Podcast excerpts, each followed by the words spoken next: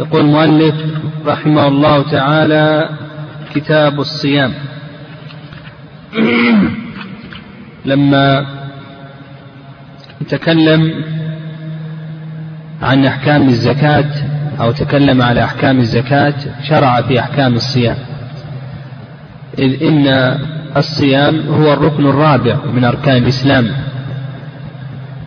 كما في حديث ابن عباس رضي الله تعالى عنهما كما في حديث ابن عمر رضي الله تعالى عنهما أن النبي صلى الله عليه وسلم قال بني الإسلام على خمس شهادة أن لا إله إلا الله وأن محمدا رسول الله وإقام الصلاة وإيتاء الزكاة وصوم رمضان. فالصيام يأتي في المرتبة الرابعة بعد الزكاة.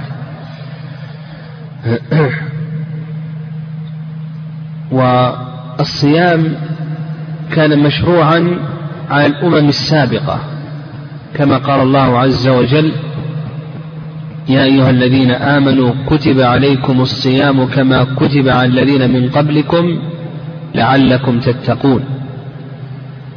وقد شرع في هذه الأمة على مراحل. المرحلة الأولى صيام يوم عاشوراء فإن صيام يوم عاشوراء كان واجبا في أول الأمر وقد بعث النبي صلى الله عليه وسلم من ينادي من أصبح صائما فليتم صومه ومن أصبح مفطرا فليصم بقية يومه فإن اليوم يوم يوم عاشوراء. المرحلة الثانية نسخ وجوب صيام يوم عاشوراء وشرع صيام رمضان على التخيير. بمعنى أن من كان أهلا للصيام فإنه مخير بين أن يصوم رمضان وبين أن يفطر ويطعم عن كل يوم مسكينا. كما في قوله سبحانه وتعالى وعلى الذين يطيقونه فدية طعام مسكين. ثم بعد ذلك المرحلة الثالثة وعليها استقر تشريع الصيام وأن من كان أهلا للوجوب فإنه يجب عليه أن يصوم رمضان على التعيين وليس على التأخير لقوله سبحانه وتعالى فمن شهد منكم الشهر فليصم والصيام في اللغة الإمساك والكف. وأما في الاصطلاح فهو التعبد لله عز وجل بالإمساك عن المفطرات من طلوع الفجر الثاني إلى غروب الشمس. تعبد لله عز وجل بالإمساك عن المفطرات من طلوع الفجر الثاني إلى غروب الشمس.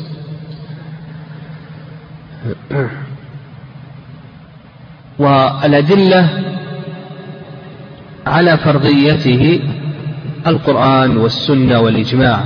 القرآن كما تقدم في قول الله عز وجل يا أيها الذين آمنوا كتب عليكم الصيام كما كتب على الذين من قبلكم كما تقدم في حديث ابن عمر رضي الله تعالى عنهما والإجماع قائم على ذلك. ومن ترك الصيام فإنه لا يخلو من حالتين.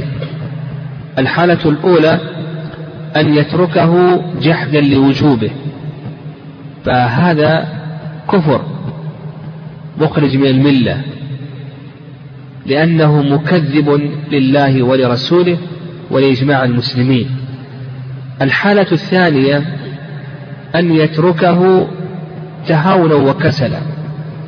فجمهور أهل العلم أنه لا يكفر.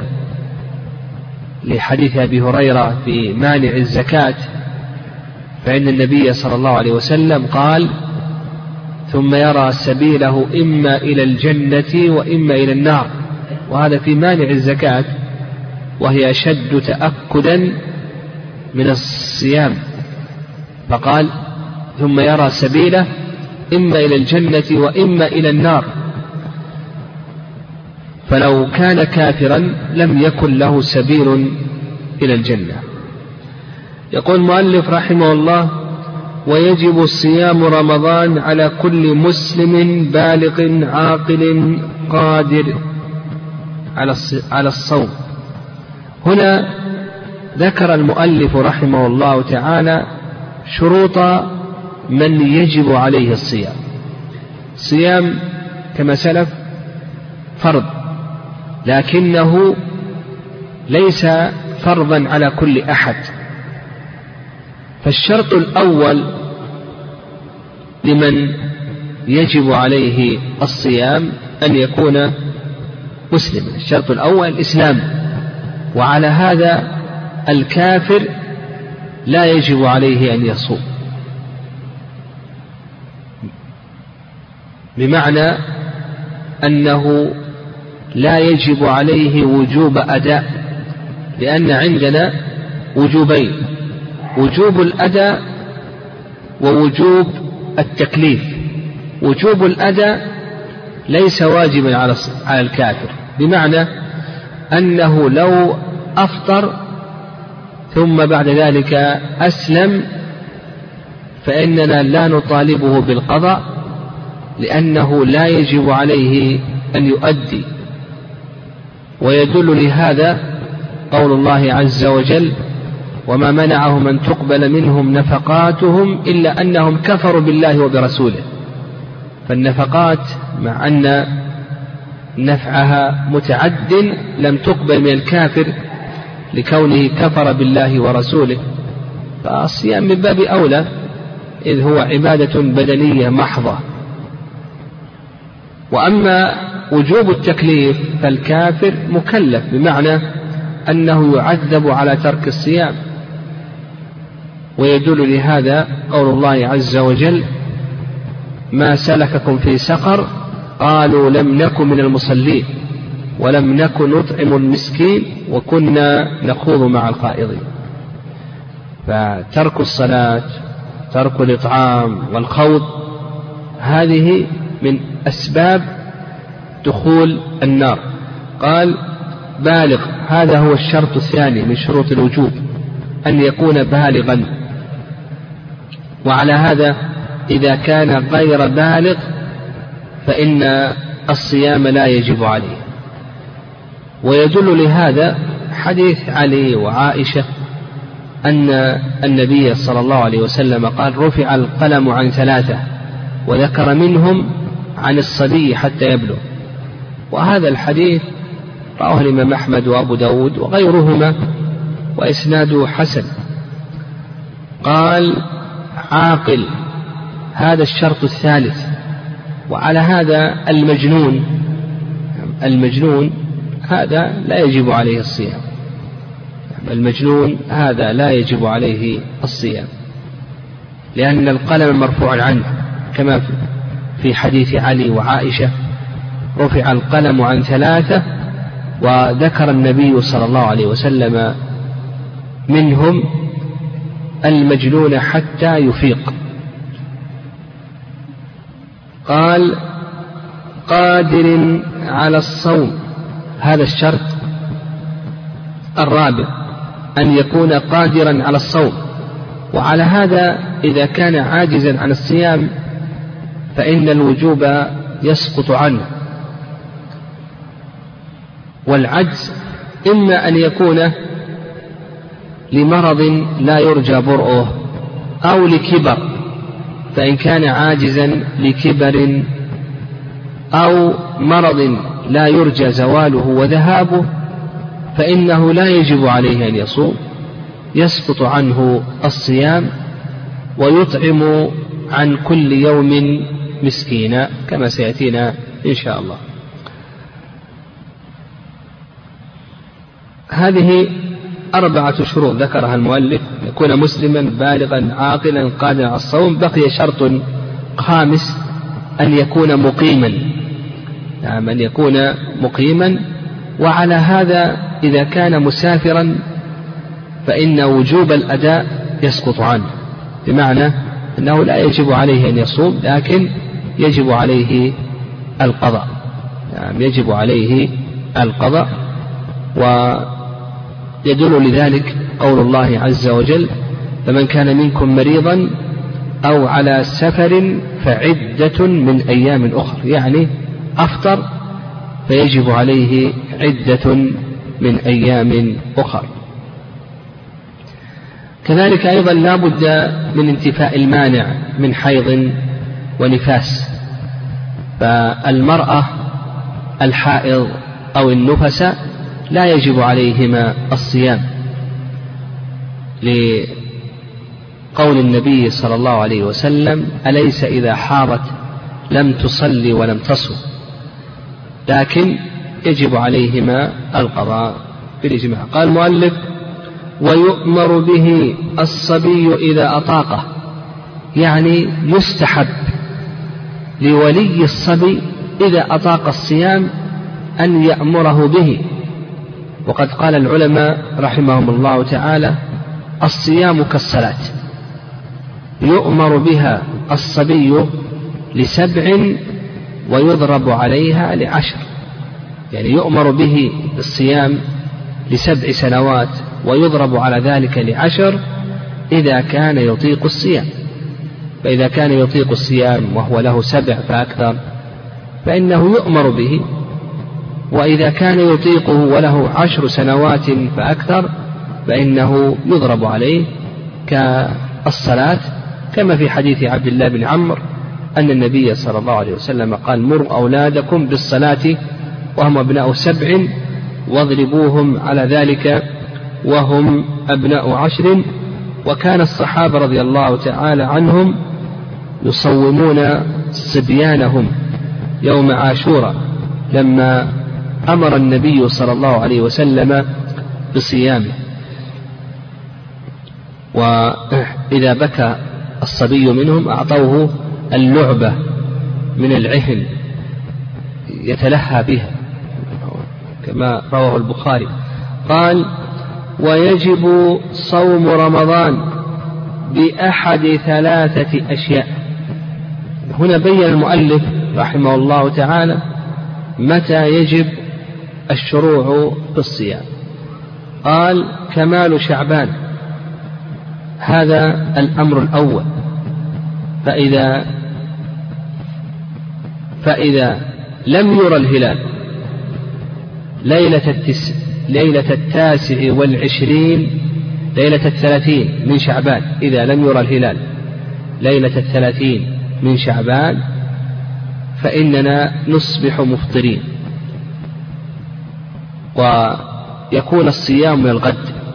ويدل لذلك حديث أبي هريرة أن النبي صلى الله عليه وسلم قال صوموا لرؤيته وأفطروا لرؤيته فإن غبي عليكم فأكملوا عدة شعبان ثلاثين. قال فإن غبي عليكم فأكملوا عدة شعبان ثلاثين. وهذا في الصحيحين. قال ورؤية هلال رمضان. هذا الأمر الثاني مما يجب به الصيام رؤية هلال رمضان. ويدل له قول الله عز وجل فمن شهد منكم الشهر فليصم. وأيضا ما تقدم من حديث أبي هريرة رضي الله تعالى عنه أن النبي صلى الله عليه وسلم قال صوموا لرؤيته وأفطروا لرؤيته. فإن غبي عليكم فأكملوا شعبان ثلاثين. و نعم نعم. وهذا كما سلف في الصحيحين. قال ووجود غيم أو قتر ليلة الثلاثين يحول دونه. ليلة الثلاثين من شعبان لا تخلو من حالتين. الحالة الأولى أن تكون السماء صحوا ليس هناك غيم ولا قتر فهنا نصبح مفطرين كما تقدم في حديث أبي هريرة أكملوا عدة شعبان ثلاثين. ويكون الصيام من القد. الحالة الثانية أن أن تكون ليلة الثلاثين. أن تكون ليلة الثلاثين من شعبان. غيما أو فيها قتر فالمشهور من مذهب من مذهب الإمام أحمد رحمه الله أنه إذا كان في ليلة الثلاثين من شعبان. غيم أو قتر في السماء فإنه يجب الصيام من الغد احتياطا للعبادة. احتياطا للعبادة يجب أن أن يصام الغد. وهذا المشهور من مذهب الإمام أحمد رحمه الله تعالى. وألفوا في هذا مؤلفات مستقلة. كما ألف أبو يعلى القاضي أبو يعلى من الحنابلة ألف في ذلك رسالة مستقلة ليلة الصيام إيجاب الصيام ليلة الغمام. مثل أيضا ابن المبرد ألف في ذلك رسالة مستقلة إلى آخره. واستدلوا على ذلك بحديث ابن عمر رضي الله تعالى عنهما أن النبي صلى الله عليه وسلم قال صوموا لرؤيته وأفطروا لرؤيته فإن غم عليكم فاقدروا له. قالوا بأن المراد بقوله عليه الصلاة والسلام فإن غم عليكم فاقدروا له يعني ضيقوا عليه ضيقوا شعبان. مأخوذ من قول الله عز وجل ومن قدر عليه رزقه يعني ضيق عليه رزقه. وذلك بأن نجعل شعبان تسعة وعشرين يوما. فإذا كان ليلة الثلاثين من شعبان غيم أو قتر إذا كانت هذه الليلة فيها غيم أو قتر فإننا نصبح يوم الثلاثين من شعبان نصبح صياما. ولذلك كما أسلفنا حديث ابن عمر رضي الله تعالى عنهما فإن غم عليكم فاقدروا له. من فاقدروا له يعني ضيقوا عليه. ومنه قول الله عز وجل ومن قدر عليه رزقه فلينفق مما آتاه الله. الرأي الثاني في هذه المسألة أنه لا يجب الصيام. إذا كان هناك غيم أو قتر ليلة الثلاثين من شعبان. ودليل ذلك وهذا ما عليه جماهير أهل العلم رحمهم الله. ودليل ذلك حديث أبي هريرة أن النبي صلى الله عليه وسلم قال صوموا لرؤيته وأفطروا لرؤيته فإن غبي عليكم فأكملوا عدة شعبان ثلاثين. حديث صريح.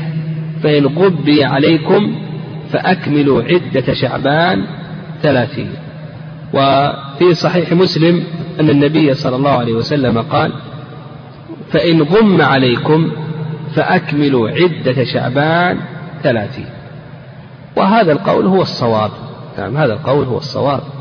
والخطيب البغدادي رحمه الله له رسالة في هذه المسألة في عدم وجوب الصيام ليلة الغمام ورد بها على رسالة أبي يعلى القاضي أبي يعلى. والنووي رحمه الله في كتابه المجموع شرح المهذب جمع الرسالتين يعني رسالة أبي يعلى ورسالة الخطيب البغدادي الشافعي جمع الرسالتين. يعني رسالة أبي يعلى في إيجاب الصيام ورسالة الخطيب في عدم وجوب الصيام. والراجح في هذه المسألة ما ذهب إليه جمهور أهل العلم رحمهم الله. قال وإذا رأى الهلال وحده صام إذا رأى الهلال يعني إذا رأى الهلال وحده يقول لك المؤلف رحمه الله فإنه يصوم. لقول الله عز وجل فمن شهد منكم الشهر فليصم. ولما تقدم من حديث أبي هريرة أن النبي صلى الله عليه وسلم قال صوموا لرؤيته. وهذا رآه فإذا رآه وحده يقول لك المؤلف رحمه الله يجب أن يصوم. طيب رآه وردت شهادته ردت شهادته. هذا رجل رأى الهلال ليلة الثلاثين من شعبان. وردت شهادته لم يقبلها القاضي. فيقول لك المؤلف رحمه الله يجب عليه أن يصوم لأن الله عز وجل قال فمن شهد منكم الشهر فليصم. وأيضا كما سلف في حيث أبي هريرة وابن عمر صوموا لرؤيته وأفطروا لرؤيته. والرأي الثاني نعم الرأي الثاني في هذه المسألة أنه لا يجب عليه أن يصوم.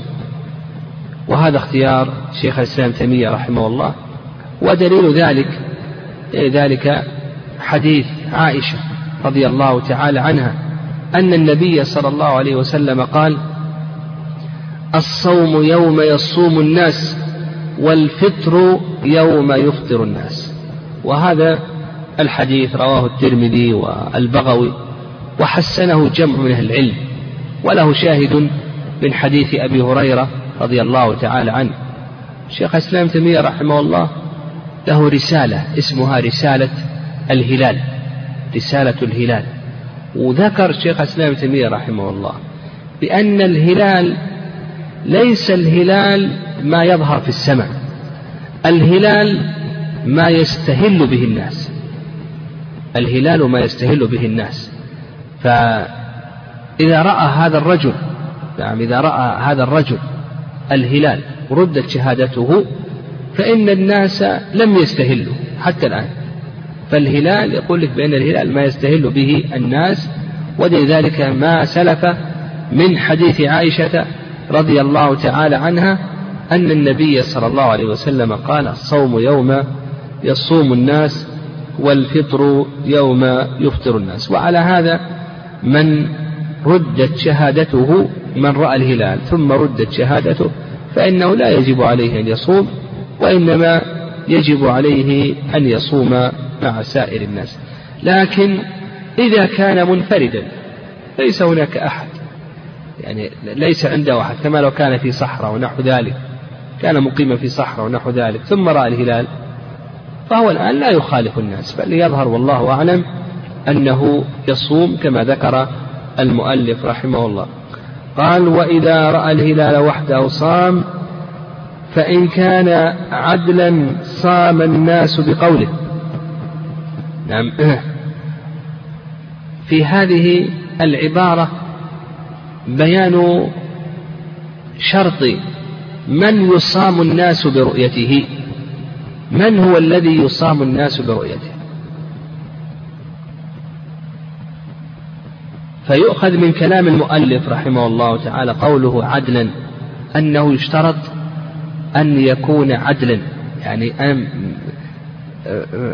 من يؤخذ برؤيته يشترط أن يكون عدلا. وعلى هذا إذا كان فاسقا كأن يكون مرتكبا لكبيرة ولم يتب أو كان مصرا على صغيرة ولم يتب فإن شهادته لا تقبل. ورؤيته لا تعتبر لأنه قال لك عدلا فلا بد أن يكون عدلا في دينه. والصواب في ذلك أن العدالة ليست شرطا لأن هذا من قبيل الخبر الديني من قبيل الخبر الديني. الذي نشترطه في الأخبار أن يكون ثقة نعم أن يكون ثقة في خبره بحيث لا يجرب عليه الكذب والتساهل.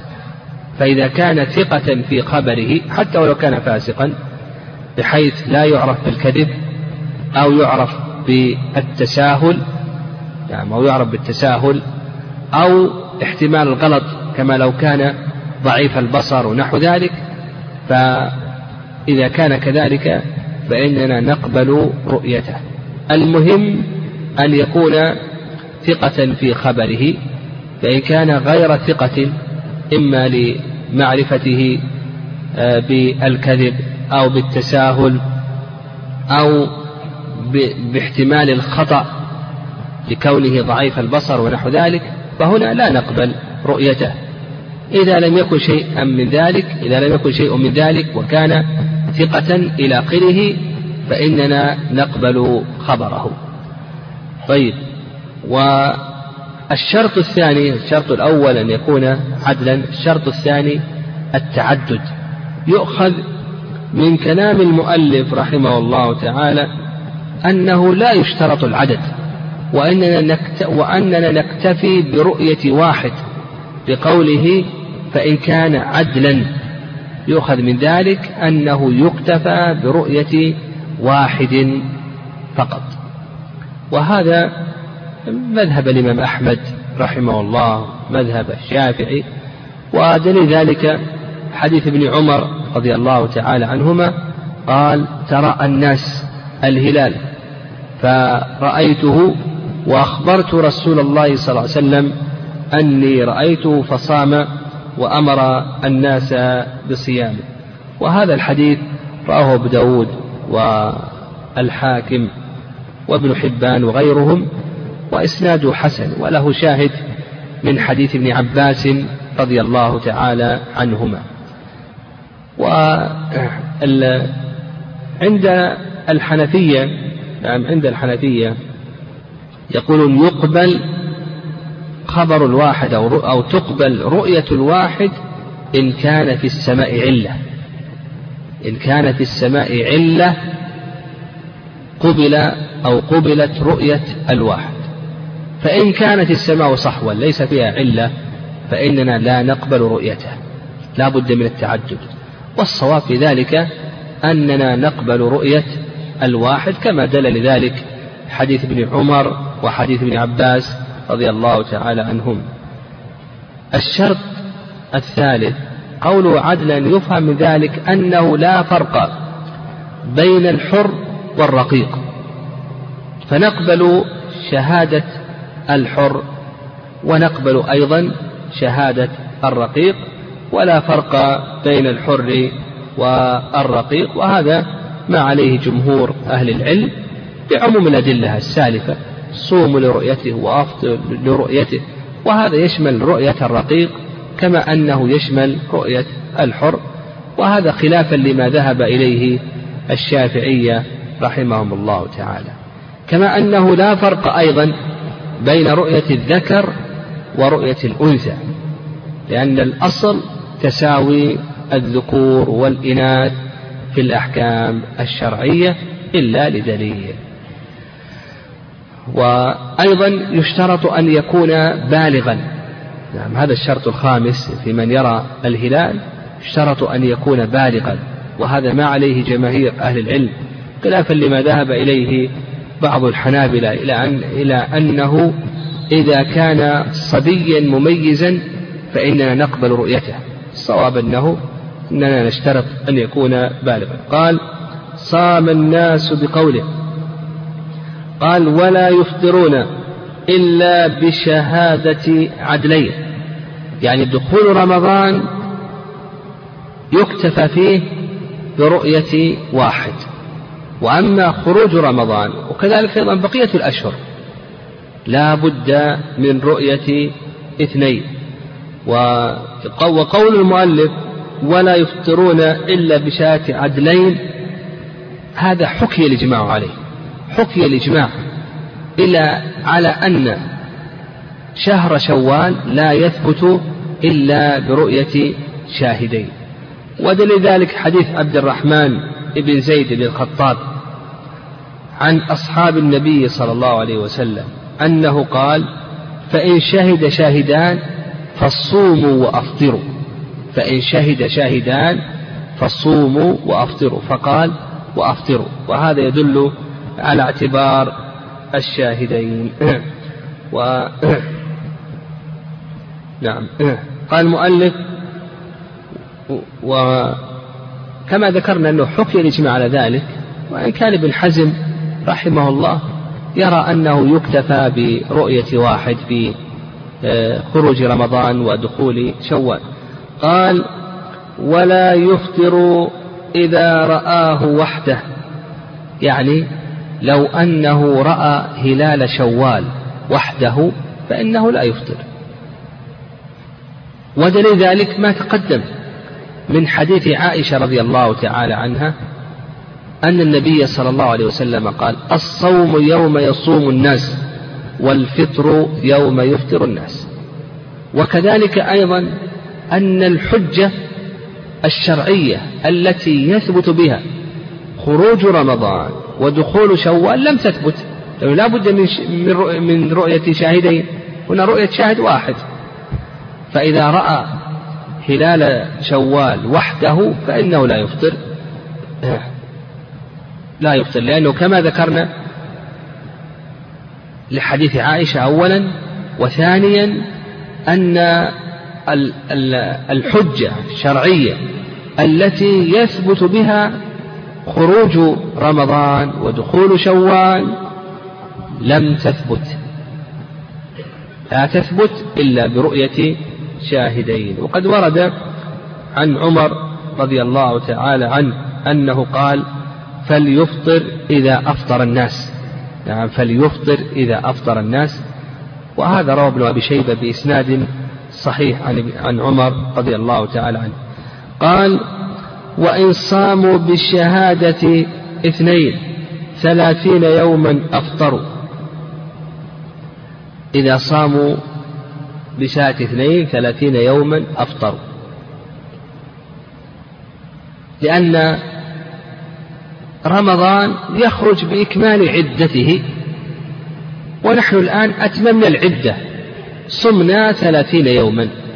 فيقول لك المؤلف رحمه الله إذا ثبت دخول رمضان بشاهدين وصمنا ثلاثين يوما فإننا نفطر لأننا أتممنا العدة أكملنا عدة رمضان.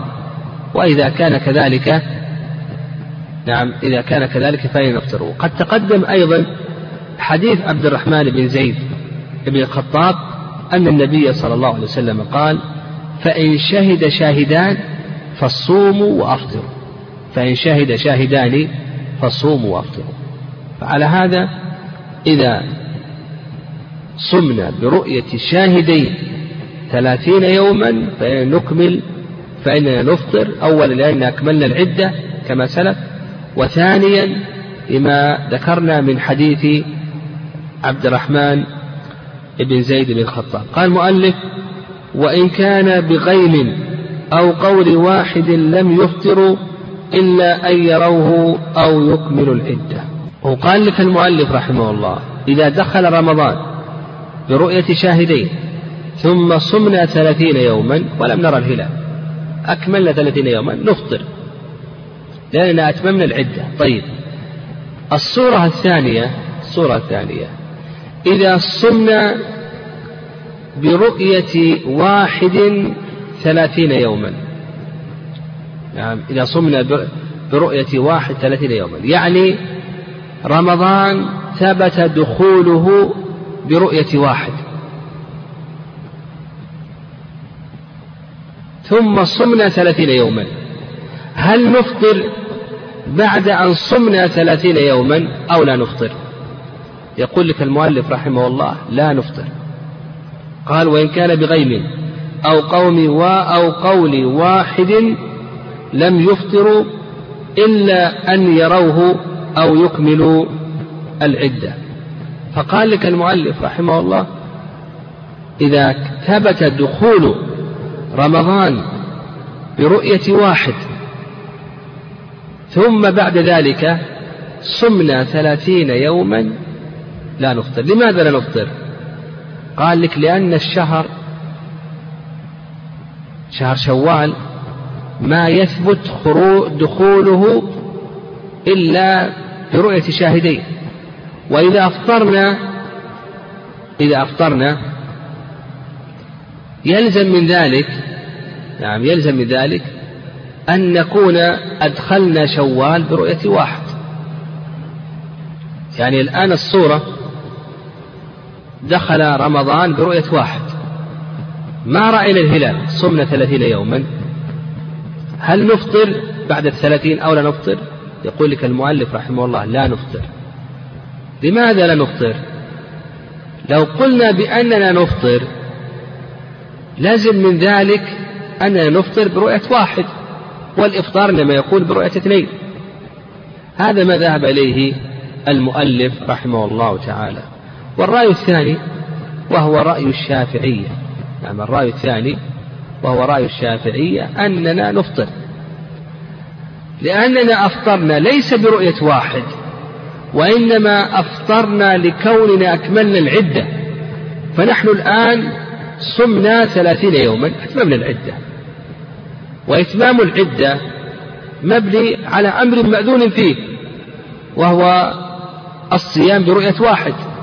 وما ترتب على المأذون فإنه ليس مضمون مضمونا. ما ترتب على المأذون فإنه ليس مضمونا. لا يضمن. ما ترتب على المأذون ليس مضمون. فنحن لم نعتمد على رؤية الواحد وإنما اعتمدنا على إكمال العدة وهو وهي أننا صمنا ثلاثين يوما. وكذلك أيضا عندنا قاعدة أخرى وهي أنه يثبت تبعا ما لا يثبت استقلالا. فالاعتماد إذا قلنا بأننا اعتمدنا على رؤية واحد نقول الاعتماد هنا جاء على وجه التبع وليس على وجه الاستقلال. والقاعدة أنه يثبت تبعا ما لا يثبت استقلالا.